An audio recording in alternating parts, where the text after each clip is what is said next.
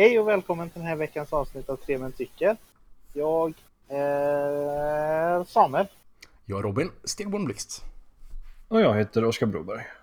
Den här veckan har Robin sett Justice League. Mm. Vad tyckte Robin om den? Jag tyckte den var förfärligt dålig. Den ligger i botten ut, i bottenskrapet utav filmer från 2017 som jag sett. Och den ligger i bottenskrapet utav superhjältefilmer som jag någonsin sett. Ändå Mm. är den bättre än alla Marvel-filmer. Hmm.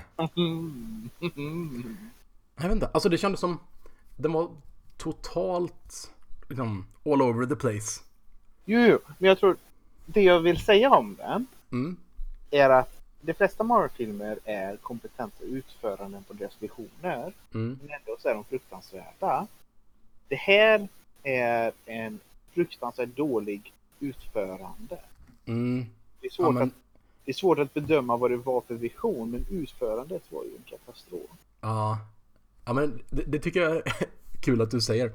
För det är, det är verkligen så jag känner också. Att om jag gör en liten motkoppling då så här godkänner dina åsikter så kände jag att det som du brukar invända väldigt ofta mot Marvel Mm. så kände jag mycket här. Att det bara var liksom tråkigt seger-nonsens som hoppade omkring utan sådär mycket intressant substans eller djup på något Ja, sätt. det segernonsensen var ju något så fruktansvärt. Den här ryska staden liksom. Ja. Och det är alltså Mm. det, det är väldigt få saker jag gillar där. Det känns som allt har gått till det som var minst bra i BVS, det som var minst bra i Man of Steel, det som var... Ja, liksom... Allt från MCU än så länge. De har tagit ut det mest ointressanta. Mm. Mm. Så här, det känns lite som... Om man skulle plocka ut typ fighten mot Doomsday i BVS. Det som alla höll med om att det var den sämsta, sämsta akten, sämsta sekvensen. Om man plockar ut det Nej, och lägger in typ ganska mycket av eh, MCU-imitation. Eh, Ta det där en gång till. Vad, vad sa du Robin om... Alltså om man plockar ut striden mot Doomsday. var inte Mm. den sämsta delen av Batman vs Superman. Okej, du, du kan få lägga till en ytterligare där. Men om ja, nu ja, bara ja, säger mm. motsvarande i Wonder Woman då. När de går upp i de här seger-nonsens-delarna. När hon slåss Återigen, mot Ares. det, det gillar jag också. Även om det är CG-saken i sig själv var Mm. dåligt. Så Mm. gillar men, det. a- a- alltså om vi bara pratar dem lite i vakuum liksom. För de funkar ju bättre i de filmerna på grund av hur det är uppbyggt till det. Men det här är ju mest den sortens scener hela tiden. Mm. Ja, alltså Steppenwolf var ju... Han var ju helt... eh, Det var knappt jag kommer ihåg vad han hette nu, men... Eh, han hade ju ingen uppbyggnad alls, Nej. egentligen. Eh, Medan Ares, å andra sidan, hade ju en ganska intressant uppbyggnad. Mm. Eh, och sen var fighten liksom så här fånig och onödig, men, men han hade åtminstone en, en bra introduktion. Ja, och, och jag tror... Um, Ares är ju en intressant karaktär. Steppenwolf är ju en nästan till meningslös karaktär. Han är Mm. ju Ja. nästan på nivån av en Marvel-skurk. Nej men, ja. Betydligt sämre till och med än de värsta. Jag kan inte komma på... Alltså om vi tar typ den sämsta Marvel-skurken, är det Malekith kanske? Freja... Malekith eh, tror jag ja. Ja. Steppenwolf är ännu sämre. ja. Jag skulle säga, jag gillar Steppenwolf mer än Freja, för Steppenwolf har ju i alla fall ett häftigt namn. Hel, Helga menar du? Helga, Helga, Mm. vad än hon heter. Mm. Eh, det, det var en sak som jag gillade i Justice League och det var den här scenen när, när Superman får syn på The Flash.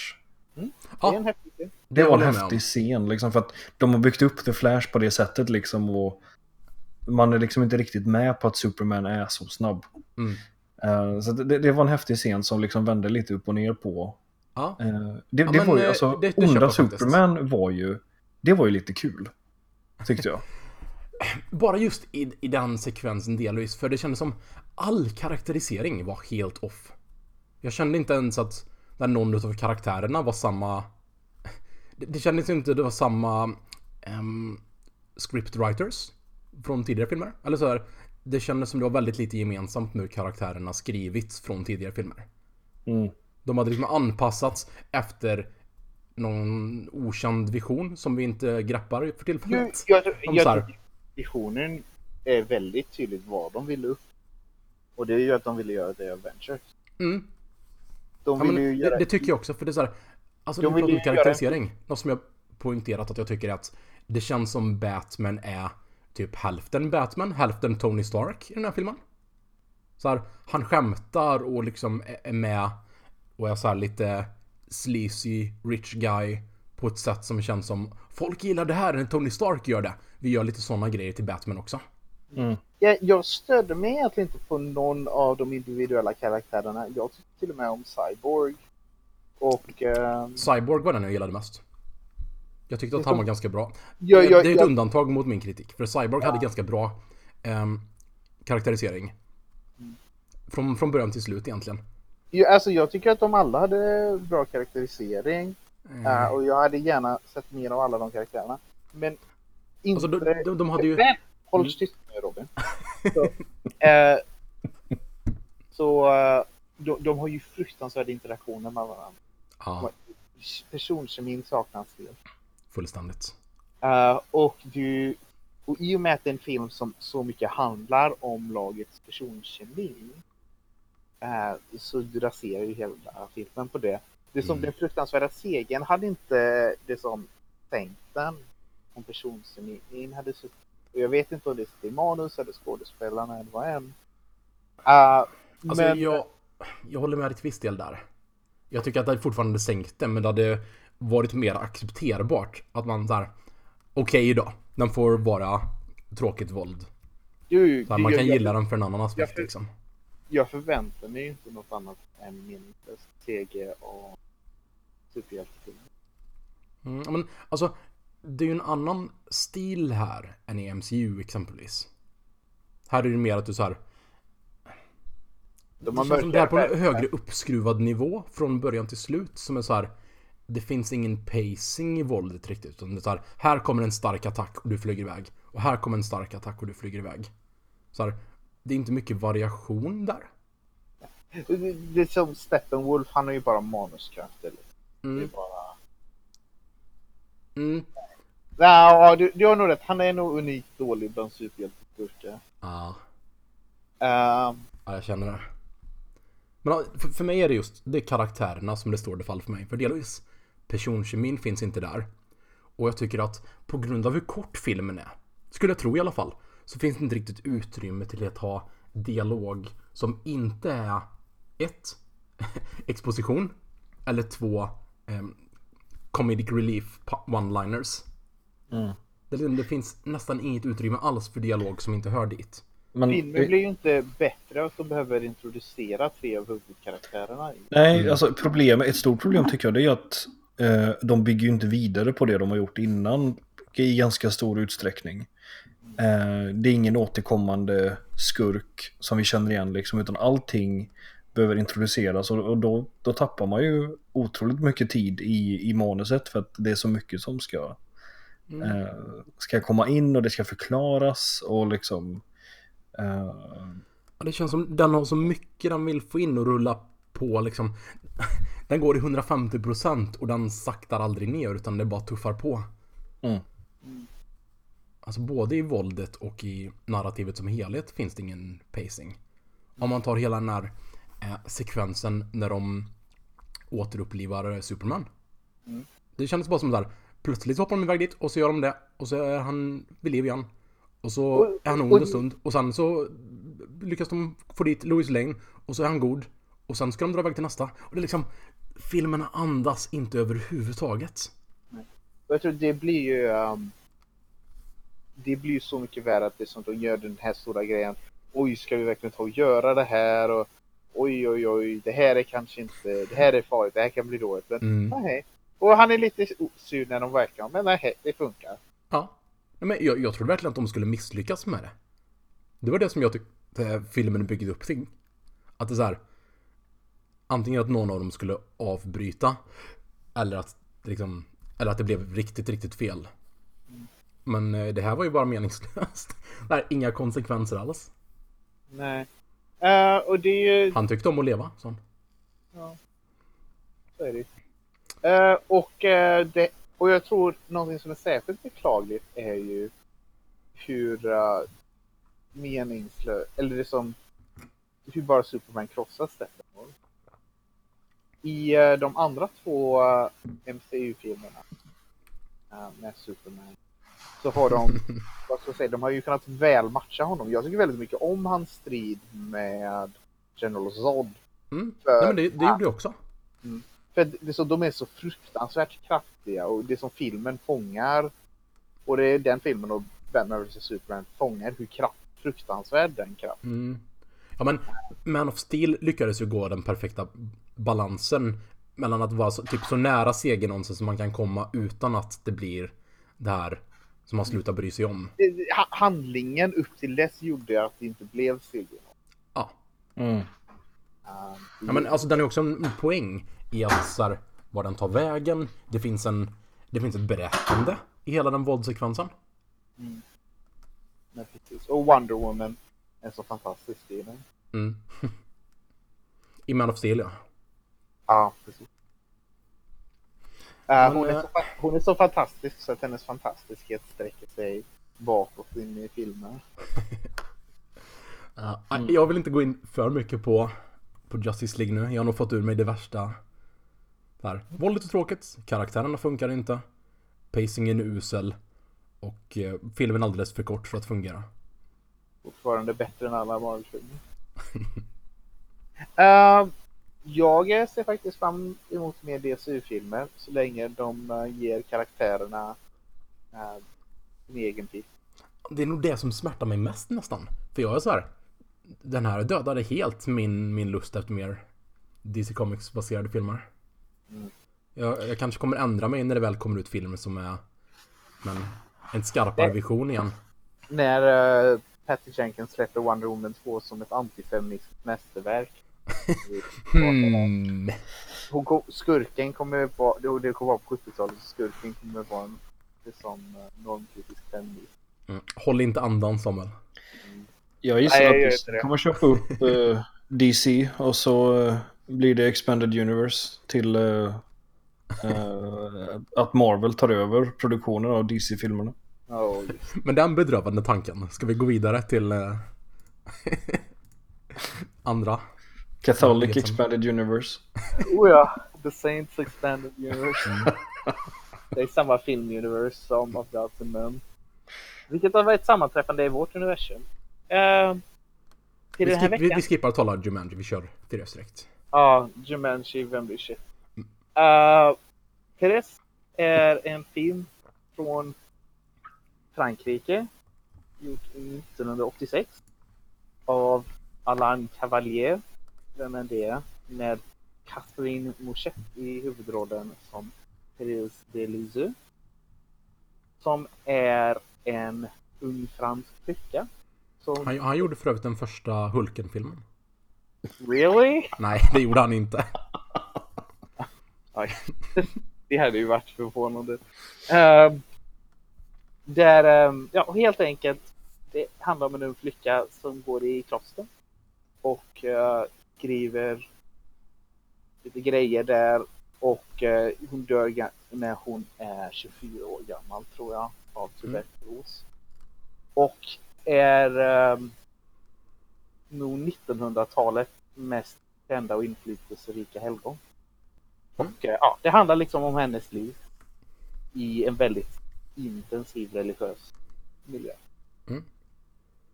Och, eh, mm, mm. och, och precis. Oskar, vad tycker du om Therese?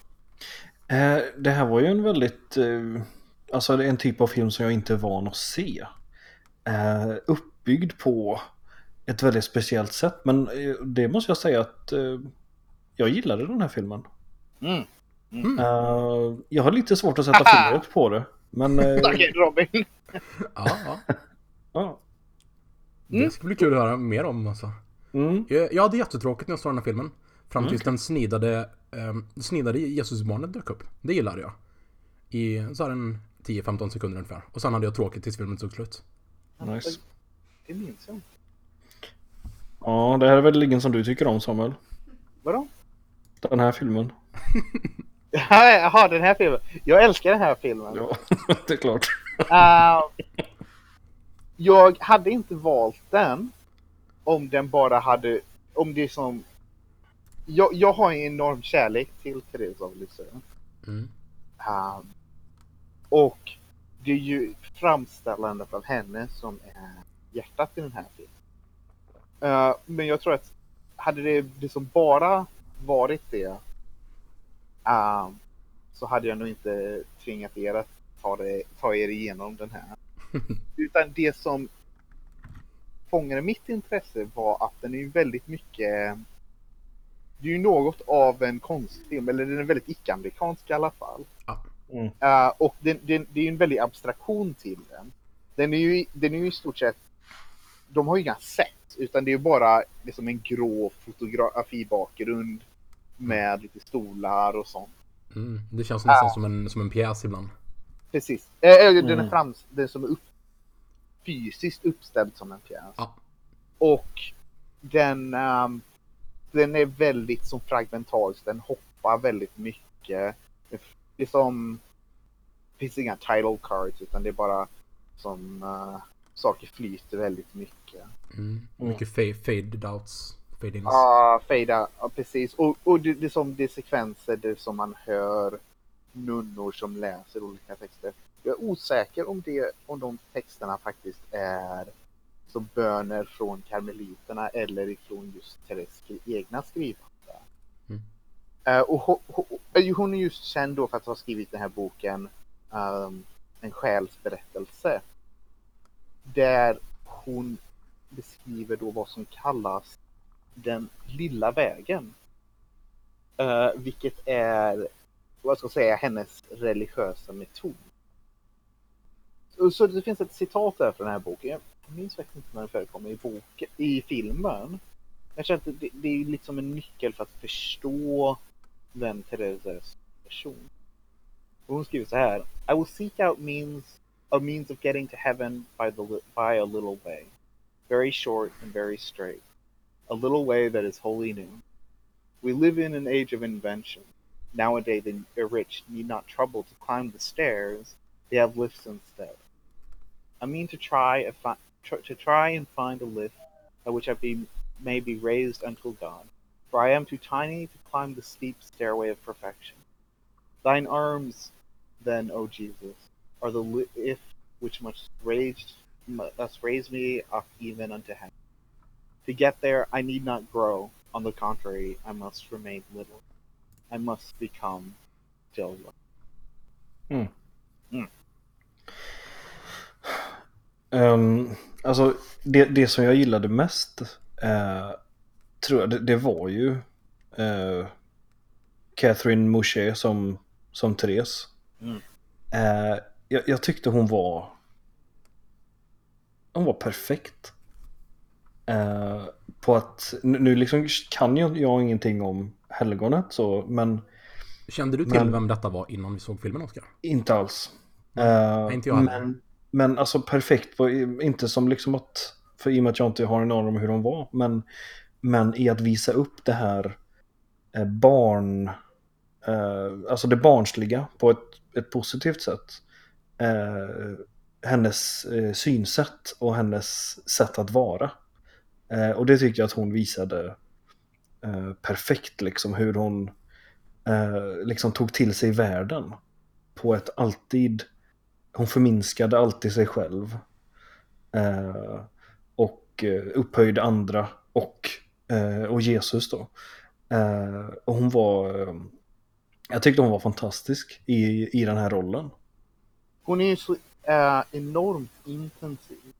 Ja, men också hon har ju den här en oskyldighet eh, som jag, jag har aldrig sett på film. Eh, som, som det här liksom. Eh, ja, det, det har hon definitivt. Och, men jag tror att det, just den oskyldigheten vad ska jag säga, leder henne till en slags intensitet. Mm. Att det som hon, det som hon håller aldrig riktigt tillbaka. Hon, Nej. hon går fullt ut på sin väg. Mm. Uh, och jag tror att det som... Jag, jag, jag tror att det som är så fångande med Therese av Lisieux är ju hennes ja, Hon har ju en sån extraordinär helighet. Jag tror att det är någonting som fångas. Mm. Ja, nej, det, det var väl liksom huvud, min huvudsak att jag gillade den. Men sen, eh, jag kände också att jag fick liksom en så här inblick i, i de här systrarnas, eh, den här sanna, eller rena kärleken på något sätt som de har till Gud och till Jesus. Att de, de, de ser sig själva som, som brudar liksom, som väntar på, på sin make. Eh, och det är liksom något som jag aldrig riktigt har eh, förstått. Mm. Eh, och men, men den här filmen fick, gav mig ändå någon form av perspektiv på det. Och det var det var väldigt int- alltså, framförallt var det en intressant film tyckte jag. Eh, eh, och ja, det, de två sakerna, det var, det var det som jag fastnade för. eh, I den här filmen. Och, det, och så gick den, den var ju, det var ju högt tempo. tyckte jag. Det, och det var ju Han, de han här... gick nästan dubbelt så snabbt som Justice League alltså. Ja. Det, det uppskattade jag. Ja. Alltså de introducerade mycket mer karaktärer. än- Mm. Ja. Men, eh, nej men alltså det här att, som, som ni sa det här med hur de klipper filmen. Eh, det gör ju också att det är inte massa utfyllnad. Eh, vilket jag tyckte var... Det gjorde att den, den, den höll sig ju... Den, den kändes aldrig långsam tyckte inte jag. Den har ju en väldigt annorlunda en takt än Integrate Silence. Ja, gud ja. Mm. Men eh, du var inte jätteintresserad av Karmeliterna Robin? Alltså grejen är att konstfilm har ju ett större krav på att det ska finnas antingen någon känsla eller någon typ av, alltså någon karaktärsporträtt. Som man verkligen fäster sig vid. Mm. Och för mig fanns det ingenting här utan det var snarare saker som stötte bort mig. Och alltså det gjorde att nästan alla scener i den här filmen var bara going through the motion, motions för mig. Man så här, nu lagar de till mat. Och sen kommer doktorn och lyssnar på, på hjärtat. Och sen dricker de, eller liksom har de nattvarden. Och sen har de det här. Och sen är det systrar som pratar och så kommer pappan på besök. Och det är liksom, inget av det var liksom som sagt, det var bara händelser. Nu händer det här, nu händer det här, nu händer det här, nu händer det här. Och nu dog hon och nu var det slut. Det var liksom... Men okej, Inget av det fick ju en liksom, emotionell innebörd för mig. Nej, och jag, jag kan förstå hur man kan ha den reaktionen. Mm. Men vad är det då som stöter dig bort? Um, alltså det är några, några stycken saker. En utav dem är just den här... Alltså filmen har en typ erotisk religiositet. Så här, um, Mm. Typ sättet, sättet de pratar på. Det är ju Den, väldigt... den versionen av kristendom har jag svårt för. Varför då? Eller eh, ber, berätta mer. Um, alltså det, det är ett språk som stundtals är så här. Um, nunnorna går och väntar på att eh, Jesus ska komma och ligga med dem. Mm. Och eh, ja. Men jag, jag kan ju säga att karmelitorden som de här då systrarna tillhör, Mm, det är dess två stora tänkare, eller två, jag minns inte om de är grundarna faktiskt, men de två stora figurerna där är ju eh, två stycken mystiker från 1500-talet som heter eh, Therese av Avila och Johannes av Korset. Och bägge av dem skriver om deras kärlek till Gud i erotiska termer. mm, Ah. Du, nu, det, det, det är ju det är ju en bildlig eroticitet. Mm. Er, eroticitet. Eh, det är, ehm, vad ska man säga, där den jordliga erotiken uteblir för att istället så här, skymta en fullständig himmelsk erotik. En enighet med Gud. Och det är ju i slutändan ett språk som har sin rot i Bibeln och Höga Mm. Visan. Um, och det är ju inte nödvändigtvis ett sånt språk jag skulle använda själv. Men jag tycker att det är oerhört vackert. Jag tycker att den här filmen är en oerhört vacker skildring av mm.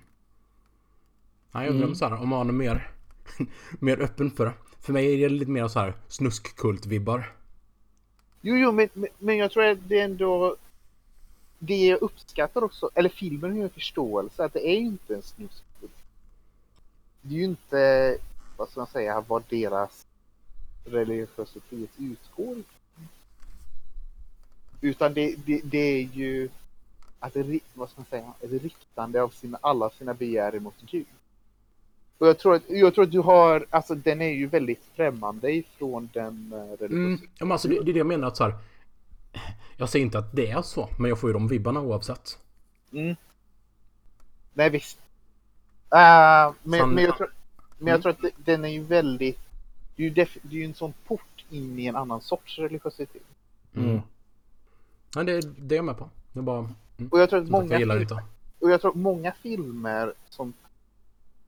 ja, Vad ska man säga? När man skildrar katoliker som lever på ett sånt här intensivt sätt. Och jag tror de, de här, eh, de utövar ju även en del självspäkelse av olika slag. Uh, vilket inte är ovanliga inom den katolska traditionen. Um, jag tror många filmer det som hade ju misstänkliggjort det. Och eh, det som det som visat det som ett tecken på neuros eller så. Mm. Uh, Medan, ja det här är ju en hagiografisk film. Mm. Ja, Så den, den har ju en förståelse för vad det är. Det- Eller det förstår det på dess egna villkor. Mm, men alltså det är väl att jag är ett steg längre bort ifrån. Så för mig blir det mer att så här läsa den lite mer på det sättet, alltså neuroshållet. Mm. Eh, även om så här, det är ju inte att jag gör den fullt ut, men det är bara så här tillräckligt mycket för att det ska blockera att jag, jag fäster mig vid karaktärerna. Mm. Sen jag vet inte, jag kände att så här, ehm, bara i valet av scener så kände jag inte liksom den hade inte mycket där den visade sidor och egenskaper hos den här Therese som jag uppskattade. Så här, jag vet inte riktigt vad det var som som ni, som ni gillade där. Jag skulle gärna höra så här, vilka det typ starka karaktärsscener som ni kände att ni, ni tyckte om. För det, jag, jag kände att den var liksom det, det blev lite platt för mig eller det var så här. Jag tyckte till exempel i början, Ja, så när hon ber för den här fången. Mm, det var faktiskt det, det är en av stunderna som jag gillar. Det, Och, det och, kan jag och, köra jag, disclaimer. och jag tror att det visar, jag tror att eh, det som Oscar sa om det som hennes oskyldighet är att det som att hon är säker på att det är hennes böner som har lett honom till sin omvändelse. Men Mm. att det finns inte en stolthet i det utan i en glädje att han har omvänt sig. Mm. Ja, men jag, jag gillade egentligen filmen bättre innan hon hade gått med i Karmelitorden. Mm. Så här, Jag har nog ä- lite- även, eh, om jag bara tar, du får utveckla mer sen. Eh, Även den här scenen när hon försöker liksom, när hon väldigt envist försöker komma in. Det, Mm, jag tyckte mer om filmen i det här skeendet också. Mm. Jag har nog lite svårt att så här pinpointa specifika grejer så här. Eh, men även den här i slutet när hon, har, när hon är väldigt sjuk och har väldigt ont. Eh, det var en väldigt intensiv scen när hon satt med sin, eh, en av sina systrar. och försökte liksom rida ut smärtan. Och den tyckte jag också var väldigt talande för här, liksom, hur hon var som person, liksom här fullständig tillförlit. Eh, Jag, ja. Ja. jag skulle säga att det, det är ju inte riktigt en fråga om... Det, det, som allt hon gör så finns en sån glädje. mm, Och jag, den känns... Och det, det, vad ska jag säga, hon känns inte bara som en karaktär som är... Säga, den glädjen känns autentisk. All right. Nej, det är kanske svårt att ut... Men jag tror att det är... Det skärde av lite. Eh, förlåt, det, det är lite svårt att uttrycka. Mm. är det exakt. Jag tror inte att det finns... Jag känner inte att det finns det som...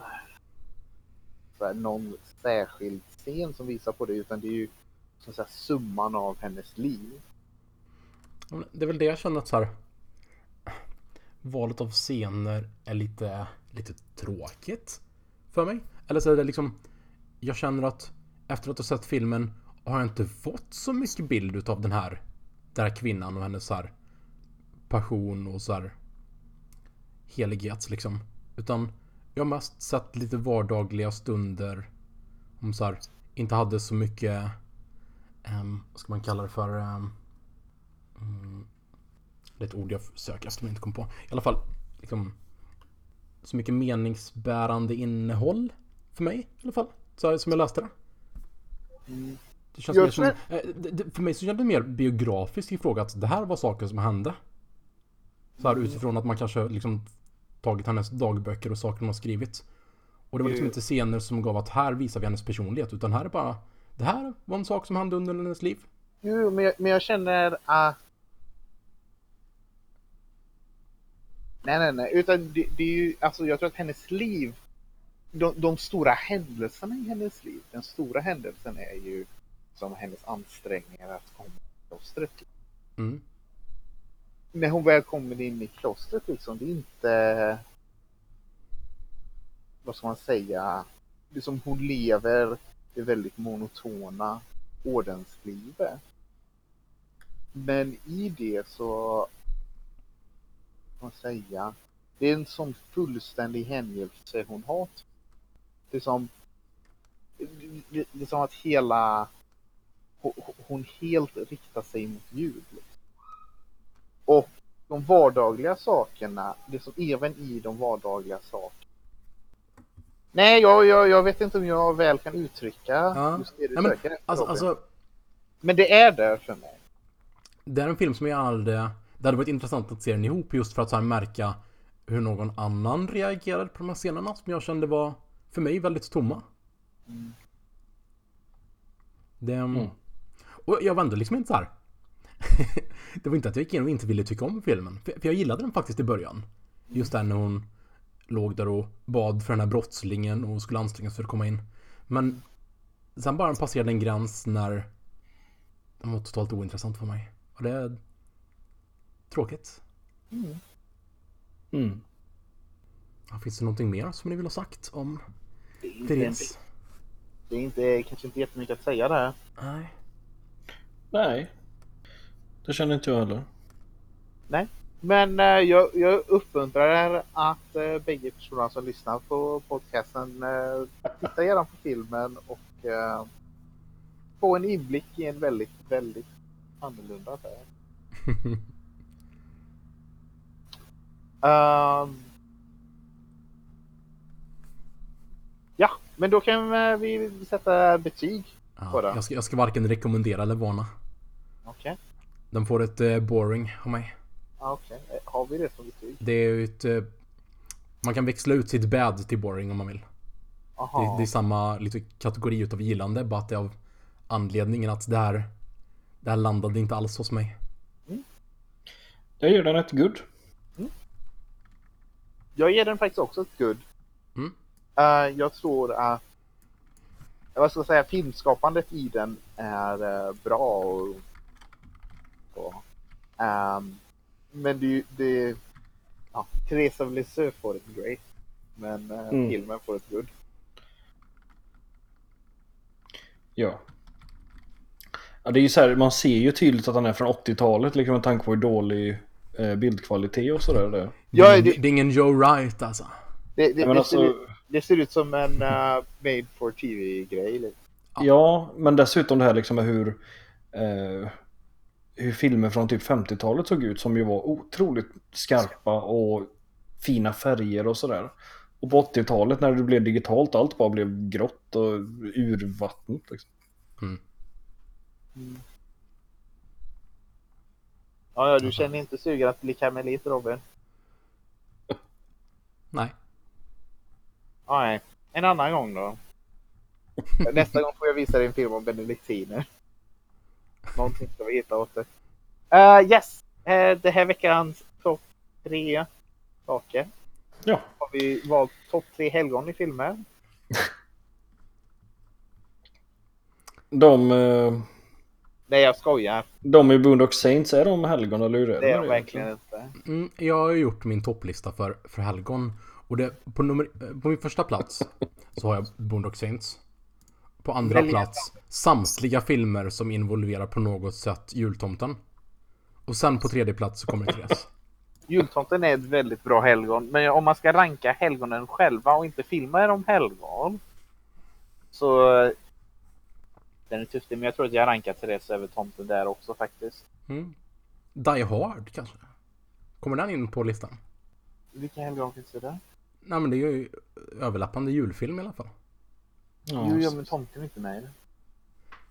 Jag vet inte, är det inte Var någon det- som sj- sjunger lite om tomten någonstans i filmen? Var det... Jag var vill, det, jag vill minnas var att det en det grekisk... känns som en väldigt helgad film. Robin, Robin. Var det en grekisk biskop från 300-talet med i den? Nej, Men jag undrar om inte JPKA, motherfucker, är ett citat från ett helgon från Nej, 300-talet. det, det gör En biskop från 300-talet.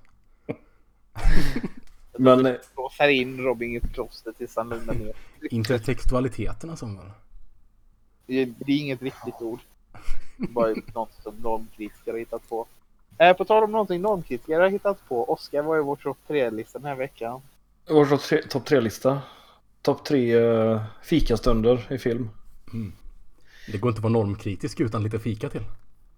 Nej, det ingår lite grann eh, fika och en delicatoboll. Mm.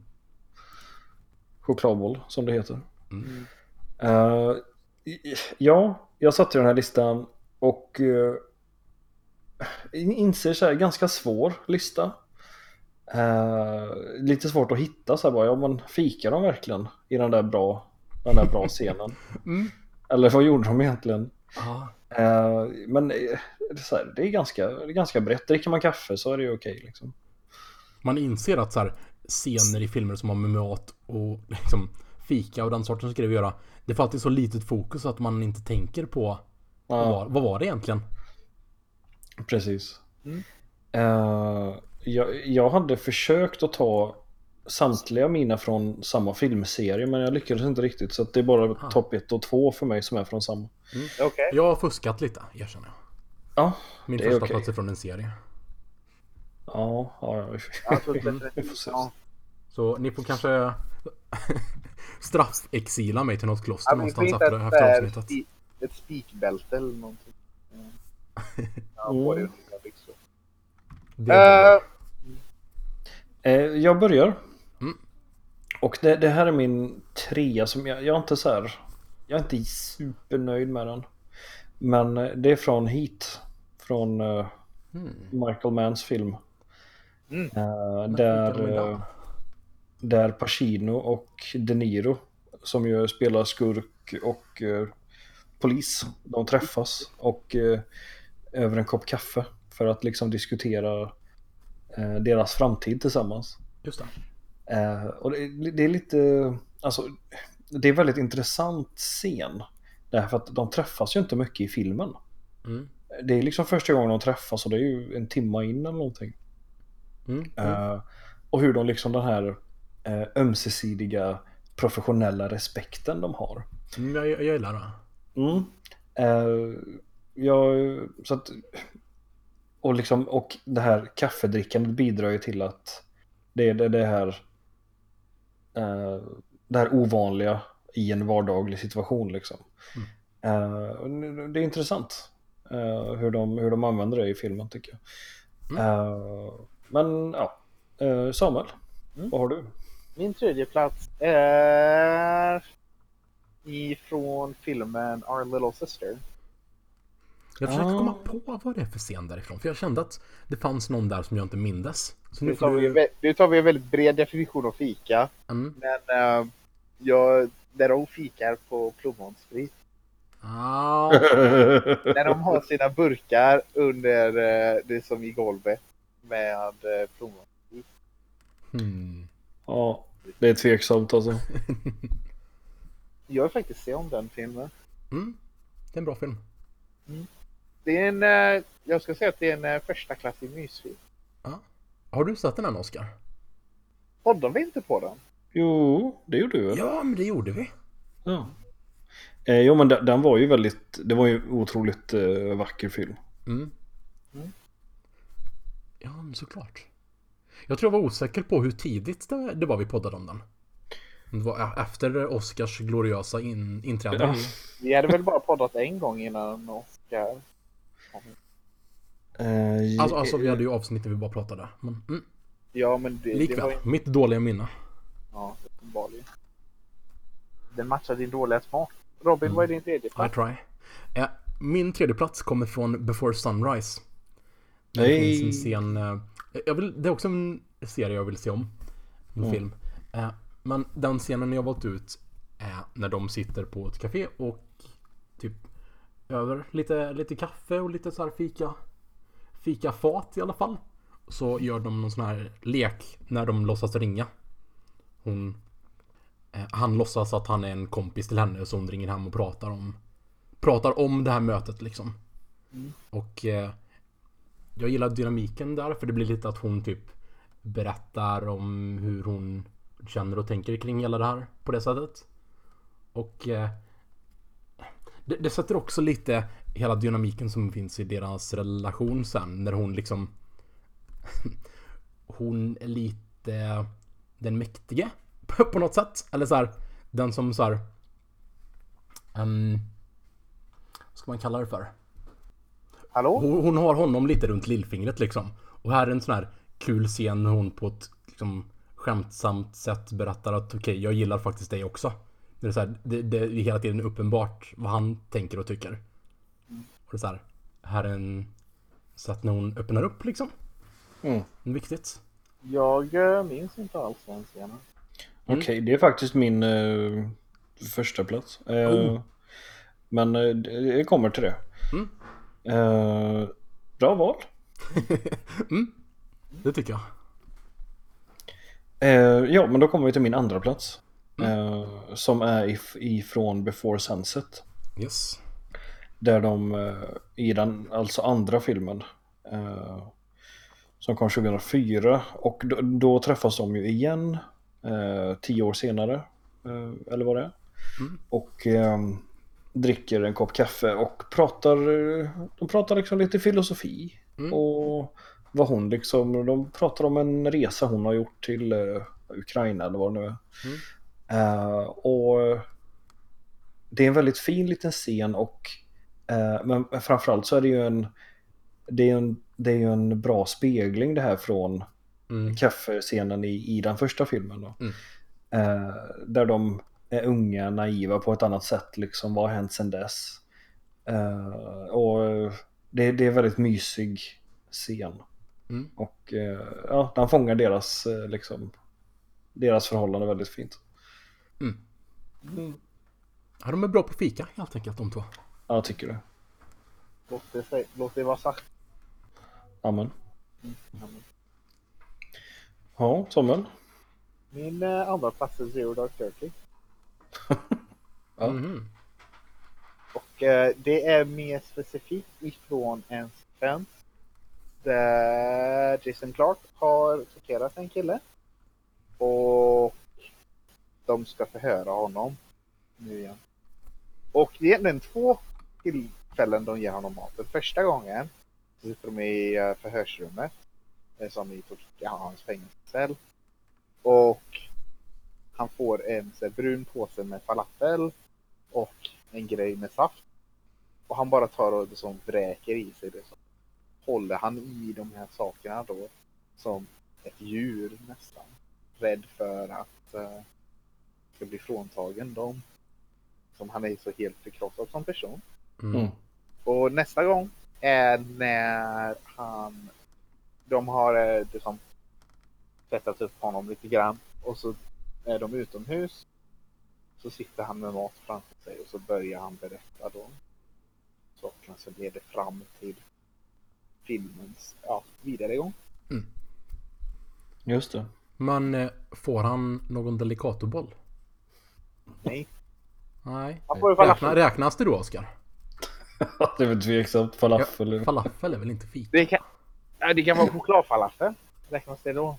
Ja, Ska vi utgå från att det är chokladfalafel? om det är kakao i falafel så är det okej. Ja, Okej, ja, bra. Ja, gud. Alright, min andra plats Mm. är en ganska kort men intensiv scen med Maggie Smith från The Second Best Exotic Marigold Hotel. Va? Det är en munfull alltså. Eh, Mhm. Där hon, eh, så här, en gan- ganska vanlig typ av scen. När en så här brittisk, äldre, elitisk eh, dam eller herre läxar upp typ, amerikanska ynglingar till, för hur man ska göra te. Och vara så här värdet utav ett välserverat te och så här. Och eh, ja, det här är bara typ en av de högsta versionerna utav den sortens scen som jag satt. Jag gillar den. Okej. Nice.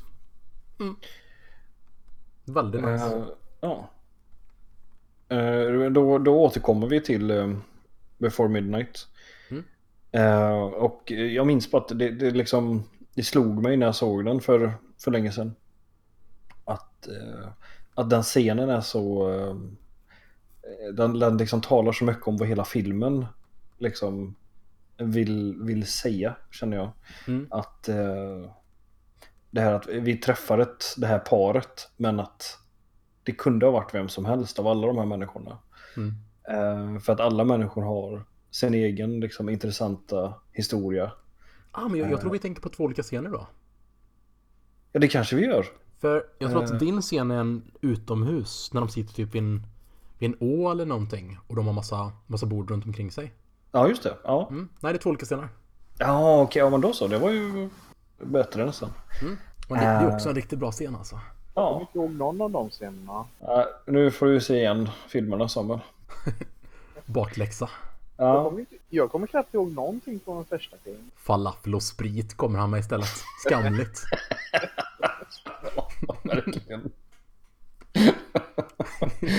ja, nej, men det, det är liksom en film som liksom lite grann kondenserar eh, budskapet eh, i filmen. Nej, Ja, den är jättebra. Mm. Hade jag tänkt på de eh, andra before-scenerna som du nämnt så hade jag nog kunnat... De hade kunnat landa i min lista också alltså. Mm. Min första plats tänker jag introducera med ett citat och det är Garçon! Coffee! Vänta nu. Vad är detta ifrån? Och sen så kommer det upp någon och säger Garçon means boy. Är detta från Budapest Hotel? Nej. Nej. Nej, nej det vet jag inte. Eh, det är från eh, den amerikanska filmen Pulp Fiction. Jaha. Som börjar och avslutar på samma ställe. Ja, ah, just det. Mm. Där, och jag minns inte vad den heter. Men den börjar där, de sitter där och äter frukost. Mm. Och sen bestämmer de sig att de ska råna stället så tar de ut sina, sina pistoler så gör de det. Mm. Sen i slutet av filmen så har vi Samuel L. Jackson och John Travolta eh, pratar tillsammans om att de har bevittnat ett mirakel. och då äter de frukost och pannkakor. Mm. Mm. Och så säger de fantastiska saker som I don't eat pig, pig's a filthy animal. Det är en väldigt No, I härlig don't scen. eat swine, säger han till dem. Så det är en bra film och en bra scen i en bra film. Mm. Alright. Min fusk första plats Ja. kommer från The Mentalist. Va? Som vart han än tar vägen, så här på brottsplatser och så här, så lyckas han hitta något kök där han kan reda till sig lite te. Så här, Ja, just det. han, han är hemma och så någon så här, ska fråga ut dem eller undersöka när någon mördats där. Men han, han glider ut i köket och letar fram någon, någon skön tepåse. Och så här, doppar lite medan han, han ställer sina frågor och funderar. Och Mm. bara så här. Jag gillar det karaktären. Det är bara så här. Mm. Ja, det, var ju en serie som jag till en början tyckte om eh, ganska mycket. Ja, Eh, Men den höll på så här. Den, den var... De skulle ha haft hälften så många avsnitt. Ja. Tänker jag, jag. jag håller verkligen med. Den, där, den hade en del riktigt, riktigt höga avsnitt. Sen, Ja. jag slutade se när det stora händelsen i slutet kom där. Ja, alltså jag tror jag slutade se efter uh, fake-slutet så att säga. Ah, Man mm. trodde att det var slut och jag bara ah, okej, Ja. nu räcker det. Ja, Nej, så jag missade väl ett par den- säsonger tror jag. Ja. Man hade kunnat ha bollen högre upp i luften där alltså. Mm. Vad pratar ni om för något nonsens? Tv-serien The Mentalist. Vad ser ni på tv-serier? Det är ju underbart. Det är ju the golden age of TV Samuel, har du inte hört? Nej det är vi inte. Det är ju massa dåliga tv-serier hela tiden. Ja, ja. Ja, Vi har The Americans. Mm. Ja. Två, Eh, två bra tv-program gör inte en golden age. Är det inte några bra fikascener i The Americans egentligen? Det borde det vara. Det finns en bra scen där eh, de stoppar in en kropp i en resa. Ja. Och där de inte nej, där, där de Alltså, det är ju inte stämningssättande när man ska ta sin delikatoboll. mm. Det finns en scen där de dricker lite whisky innan de ska riva ut en tand. Ja. På tal om erotiska scener. Samuel, jag bara undrar vad du har för, för, för förhållande till sprit egentligen. Så här, bara, "Åh, nu är det dags att fika. Så här. Oh, jag Samuel häller upp en shot. du, jag köpte Fram, faktiskt fram med plommon, köpte plommon sprit spriten idag. och gisslan. Ska det dras ut tänder. Ja. Ja. Vi får prata mer om det här Samuel. Mm. Får vi göra. Mm. Stage and intervention. Alright. Nästa veckas topp tre blir topp tre förolämpningar. Förolämpningar slash typ förnärmanden. Mm. Mm. Och eh, man, får vara Robin, ganska, man får vara ganska bred där i vad man tolkar in. Hur, hur bred? Inte så bred Samuel. Får, får jag välja filmer som jag tolkar som en personlig förolämpning mot mig själv? Nej, det var det jag precis svarade på. För jag, det är ganska många gånger du har förolämpat mig genom att välja dåliga filmer. Mm. Ja men det uppskattar jag att du tar illa upp. Yes. Mm. Vad ska vi se för film nästa vecka? Eh, Då ska vi se en film som jag... eh, jag har varit lite nyfiken på men jag har ingen aning om den är bra eller inte. Som är Mm. den här Borg vs McEnroe. Ja, vad kul! Ja, den Ja. har jag velat se. Mm. Jag med, men jag, jag tror inte det blir av om jag inte väljer den. Mm. Eh, Nej, den det är en sån här som li- ligger precis bortom räckhåll för att man Mm. här, ser till Det att det blir gjort. Den väckte inte jättemycket intresse hos folk. så. Men Mm. ja, jag är, jag, jag är bra att du väljer. Mm. Nej, jag har varit Ja. pepp på allt jag har sett. Jag vet inte mycket om tennis. Nej, vem gör det? Jag har sorterat att Björn Borg ska ha sånger. Alltså han går igenom sjukt mycket kalsonger den killen. Det är tur att han har Samuel som smyger in där om kvällarna och sorterar dem. Av Ja. någon anledning så fick jag reda på att hans kalsonger är jättedyra. Jag förstår Mm. inte riktigt varför folk ska lätt spendera så mycket pengar på kalsonger. Ja men det finns väl en uh, andrahandsmarknad Nej, där. nej, det är Som jag förstår det. Det de- ökar priset markant Samuel. De, de, det är som de är häftiga och med färger och så. Och eh, jag förstår inte varför man... Finns det inte motsvarande där inom helgon, helgondelen i katolska kyrkan? Ja, det, det är like det heter i så fall. ja men precis. Jag vet inte hur ofta kalsonger Det blir inte, blir inte så heligt längre kanske. Ja, Det blir inte för heligt snarare. Möjligt. Karmeliterna. Så. Man kanske kan använda det som böneduk eller något sånt där. Det, alltså, det, det finns ju möjligheter. Jag just det, jag ska exkommunicera er bägge. Ja, jag tror vi exkommuniceras och avslutar där. Vi, vi avslutar podden på, på en höjd. En hög. På en höjd helt Ja. enkelt. Ja, Ja. bra. Ha det bra. Ha det gott. Ja.